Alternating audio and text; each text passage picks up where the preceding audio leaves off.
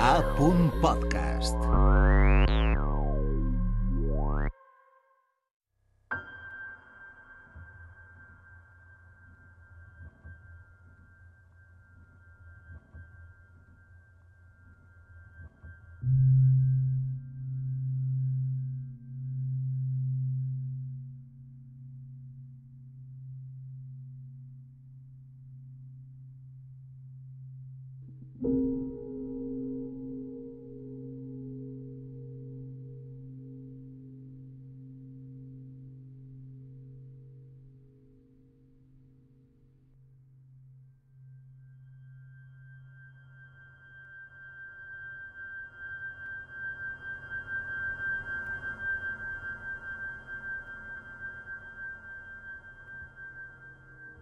Cap de cartell.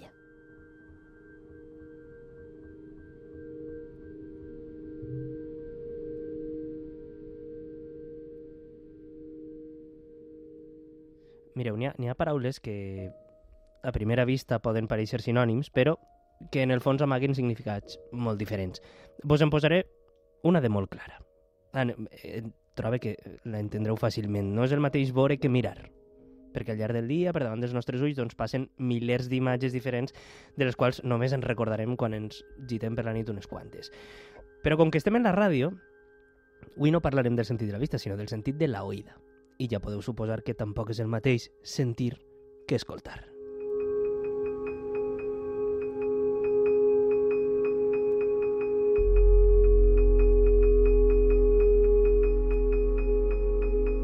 Contràriament al que passa amb els ulls, doncs les persones no tenim la capacitat de dir "Eh, vaig a tancar les orelles eh, a voluntat, però sí que podem optar per mm, prestar més o menys atenció, per exemple, a una música o a un so que sentim. En canvi, n'hi ha músiques que eh, reclamen el que es podria considerar, que això els, psicòlegs ho diuen, un- ho diuen un muntó, l'escolta activa, per part de, precisament, en este camp, un, un bueno, en, en este cas, per part del públic, no? Per tal de descobrir els secrets i els matisos que, que, que amaguen. Mireu, jo tinc moltes ganes de, de, de l'entrevista d'avui perquè, més enllà de la part musical, que ja és perfecta, té una càrrega d'àudio i so que per a friquis com jo doncs, ens torna una miqueta bojos. Edu Comelles, com estàs? Molt bé, encantat d'estar així. Gràcies per, per estar a Territori Sonor. Què és per a tu sentir i què és per a tu escoltar? Uau. eh, és, és, és, eh, tenim prou sort en, en el valencià per tenir esta, esta, este sinònim, no? Mm. Perquè a voltes ho intentes contar en altres idiomes i no, no, tenen, no tenim la sort de tenir la paraula sentir i la paraula escoltar, no? Mm. i amb dues eh, les podem gastar per a moltes coses, no? Probablement la de sentir està més vinculat a lo emocional i per, Mm. això, per, per això ens, ens dona prou joc i la d'escoltar és probablement més analítica, no? Eh, en el meu cas, la meva feina és escoltar probablement i, i el que espere o, o m'agradaria que arribara a la gent és a sentir realment, no? Com és aquest procés?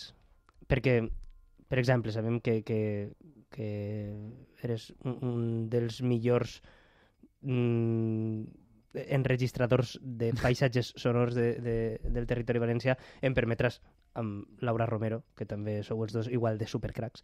Eh, Bueno, bueno, bueno, ahora son palabras mayores. No, no, sou els dos igual i, i, i sou molt bonicos, a més, com a persones. Eh, com, com és aquest procés de, de, d'enregistrar un so, per exemple, no? I, i transformar eixa escolta que tu dius en, en un sentiment, que és el que a la fi deriva eh, eixe mateix so. pues, eh, va de fer una cosa que no fem mai, que és esperar i ser pacients i, i estar molt quiets i en silenci i, i en un món en el que vivim i en un món en el que ens trobem, eh, a mi, a mi personalment em sembla que és un acte absolutament subversiu. Mm. El de parar-se i, i, i que la nostra feina siga eh, estar asseguts i atents al que està passant i, i la gent diu, i solo es sonido sí, solo es sonido com si fuera poco vull dir, aquí a la ràdio ho sabeu perfectament és un univers absolutament descomunal per tant, Mm. Eh, el poder atansar-se i, i, i parar orella i frenar, jo ho busco en la meva feina. Me passa el dia fent PDFs i, i fent burocràcia, però quan aplegue a, al territori i estic Sí. en els meus micros gravant és quan tot passa, vamos. En quin moment eh, et vas parar a escoltar o a sentir? Uh, no sé ben bé, jo m'imagino que en, en el moment en què, en què em van dir... eh, Sí, recordo però bé, jo vaig estudiar en Edimburg, en Escòcia, i eh, enraonant amb el professor eh, en, en el màster de disseny de so que estudiàvem, va dir, tu saps Mm. que existeix una paraula o un concepte que es diu paisatge sonor? Li vaig dir, no, però ja ho sé. És a dir, ja sabia, quan Mm. m'ho va dir, jo ja sabia de què va la paraula. Vaig córrer a la biblioteca i em va dir, agafa't el Soundscape, el, el llibre fundacional Hombre, del sí, paisatge sí. sonor, i, i papat d'ell.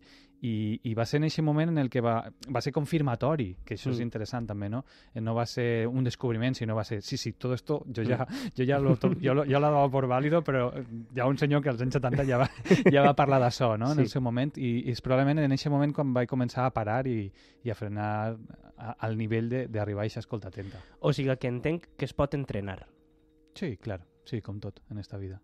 No, Sí. però és, te, Sí. te ho diria molt seriosament perquè Sí, perquè, Perquè el que ens que- costa és sortir de la, Clar. del, de la, el multi-input i la eh, sobreexcitació d'imatges i de reels que ens van passant per davant de la cara eh, i està passant en el podcast, no? que, que Mm. està demanant, està, la, demanem aquesta atenció precisa en un sol sentit, a Mm. voltes. i que, i que a la fi els experts, que són els que saben, Mm. diuen que vivim en l'era de l'audificació, en Sí. que tot és àudio, en que Mm.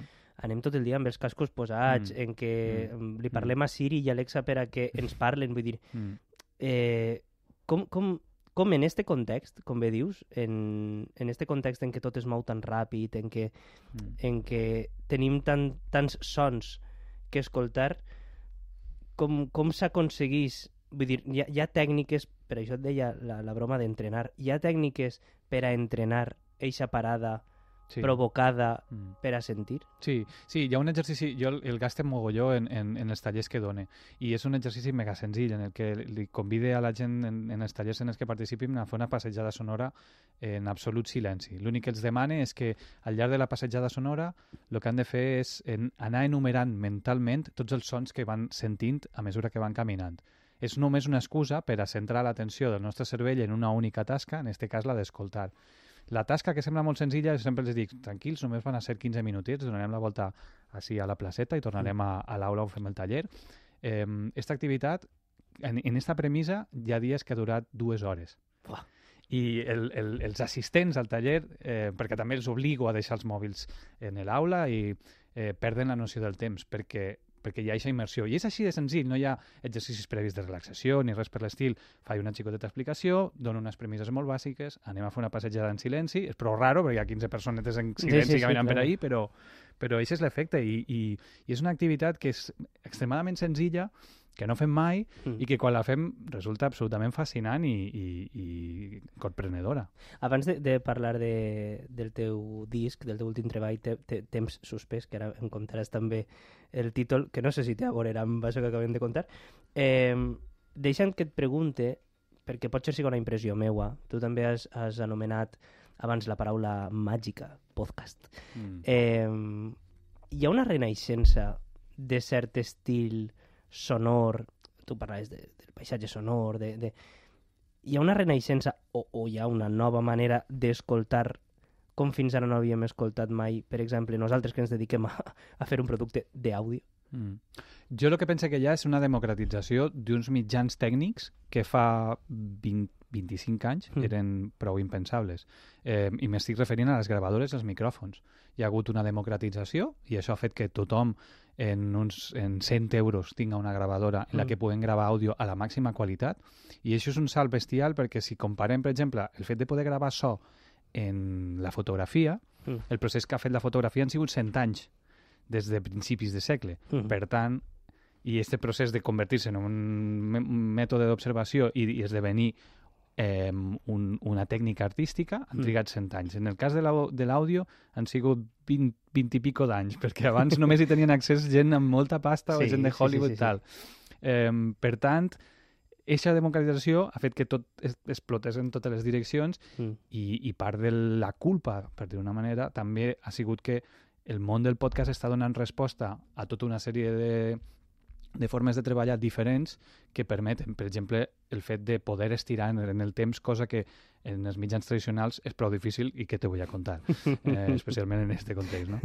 Eh, i, eix, i, I la possibilitat de treballar en altres temps, Mm. en lo digital, eh, ens permet eh, treballar en un altre lloc. Mm.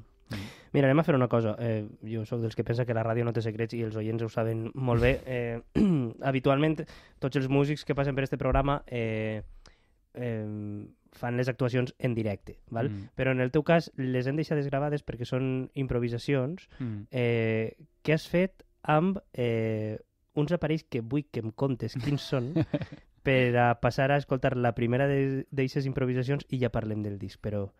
Pues en, en este, eh, es, esto es una primicia, es la primera volta en la meva vida que toque amb un instrument que no és l'ordinador Uh i, és, eh, i recentment m'he passat a, a les màquines, entre moltes cometes analògiques, en este cas és eh, Digitac d'Electron, de, que és una empresa sueca, Sí. i bàsicament és una caixa de ritmes que el que em permet és eh, traduir en un, en un objecte físic, en, una, en un instrument físic, el que jo estava fent en l'ordinador durant prop de 20 anys.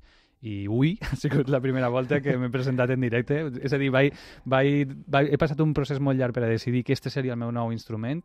Eh, este procés va acabar fa tres mesos i fa un mes i mig em vau tocar i vaig dir, voy a tocar con esto. I m'he vingut a, a amb el catxarret este que em, el que em permet és disparar el tipus de sons en els que treballo jo, mesclar-los i presentar-les en directe i tocar-los. Doncs anem a escoltar aquesta gravació que hem fet fa no res, fa una horeta que l'hem fet. Ja us dic que va sorprendre-vos molt. Helena, posa-me-la, perfa.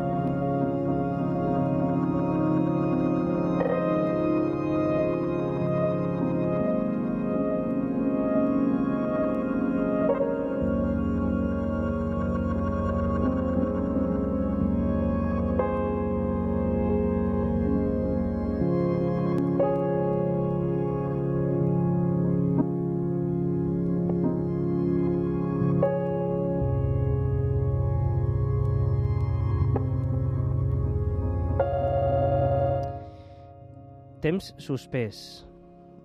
És el teu últim treball, fa poc que l'has compartit en, en Bandcamp. Eh, què és Temps suspès? Temps suspès és un, una idea que sorgeix en plena pandèmia total Sí. i que s'ha passat quatre anys en un calaix, perquè per diverses qüestions que no vienen al caso. eh, però és un, un, és de les poques coses que he fet on el concepte va venir abans que la música. I era la idea de, de treballar, la idea de aquesta sensació que vam viure tots durant la pandèmia de que el temps semblava que s'havia aturat completament Mm. i que no anàvem ni avant ni endarrere.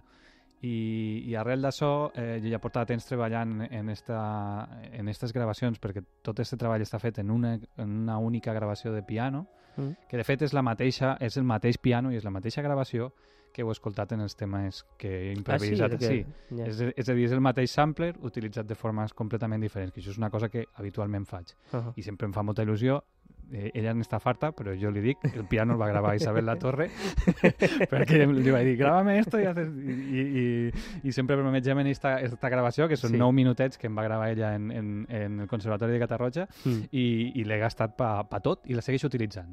Eh, I en el cas de temps suspès, eh, el que vaig fer va ser una peça que, que pensa, treballa aquesta idea de, de sostenir els tempos i, i forçar una escolta, tornant a lo abans de l'escolta, Mm. un poc més relaxada. Són dues peces de 30 minuts eh, generatives, és a dir, que la meva intervenció és simplement donar-li al play i hi ha tot un sistema aleatori que construeix la composició sobre la marxa i per això hi ha dos peces que són eh, les dos, dues accions de, de donar-li al play a este sistema, deixar-lo deixar córrer durant 30 minuts i parar-lo.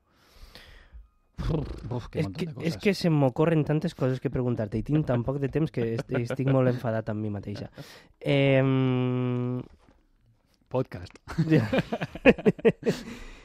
quanta atenció hem de posar els oients del teu disc per a entendre'l com correspon? Tota la que es vulga o, o ninguna. Jo, esta música com... És que, clar, és que damunt em dones unes respostes, Edu, que...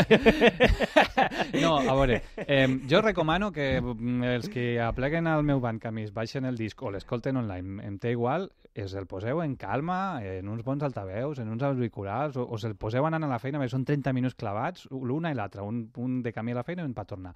Però si la teniu de fons, me funciona igual de bé, perquè també pense molt la música en aquest sentit, com algo que està en un segon pla i que s'acomoda al teu dia a dia i, i és com... Concepte diegètic, extradiegètic. Sí, o com el incienso que pones en casa, no? Vull dir, també la pensa així la música. Per una banda, m'agrada que la gent l'escolte en tota la seva enjúndia, però, però si està de fons i no molesta massa, Mm. fantàstic també. Deia McLuhan que, que, que el, mi- el mitjà és el missatge. Mm.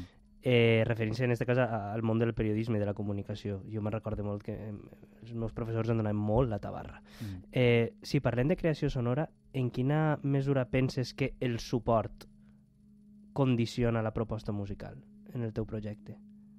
Eh, uf, Ostres, dame, dame una hora más. eh, és difícil respondre a la pregunta perquè és que el format és... És a dir, el so te permet fer coses que, que altres formats i altres llenguatges no et permeten. Mm. I una de les coses que té el so més fascinants i més importants és la capacitat de generar imatges mentals que és algo que la imatge no, la imatge et dona un, un, un algo immediat i Mm. molt clar i, i emmarcat, no? una fotografia. El so eh, en el cap de cadascú eh, es, es, es manifesta de formes diferents. Si jo dic ara mateix Bohemian Rhapsody, tots els oients que ens esteu sentint deveu estar cantant-la Mm. en els vostres caps o la podríeu cantar perfectament. Una altra cosa és com la podríem materialitzar, com la podríem tocar, però en els nostres caps sona perfecta i, i alhora té aquesta capacitat d'evocació, de que a cada, u, a cada oient eh, la música el va aportar en un lloc diferent. I, i aquesta capacitat de generar imaginació i de, i de crear relats individualitzats i específics en base a lo que tu penses, en lo que tu vius, a mi em sembla absolutament fascinant. A mi em sembla fascinant la teua figura eh, com a persona i com a professional. T'he d'acomiadar ja, Edu, no sense abans eh, posar aquesta improvisació que dos que hem gravat a des. Molt bé. Eh, tio, torna més, eh? Hem de ah, pues, quan, vull, quan vulguis, jo estic aquí al costat. Pues ara, pues mira, ha sigut un plaer, amic. Cuando quieras. Gràcies. Moltes gràcies a vosaltres.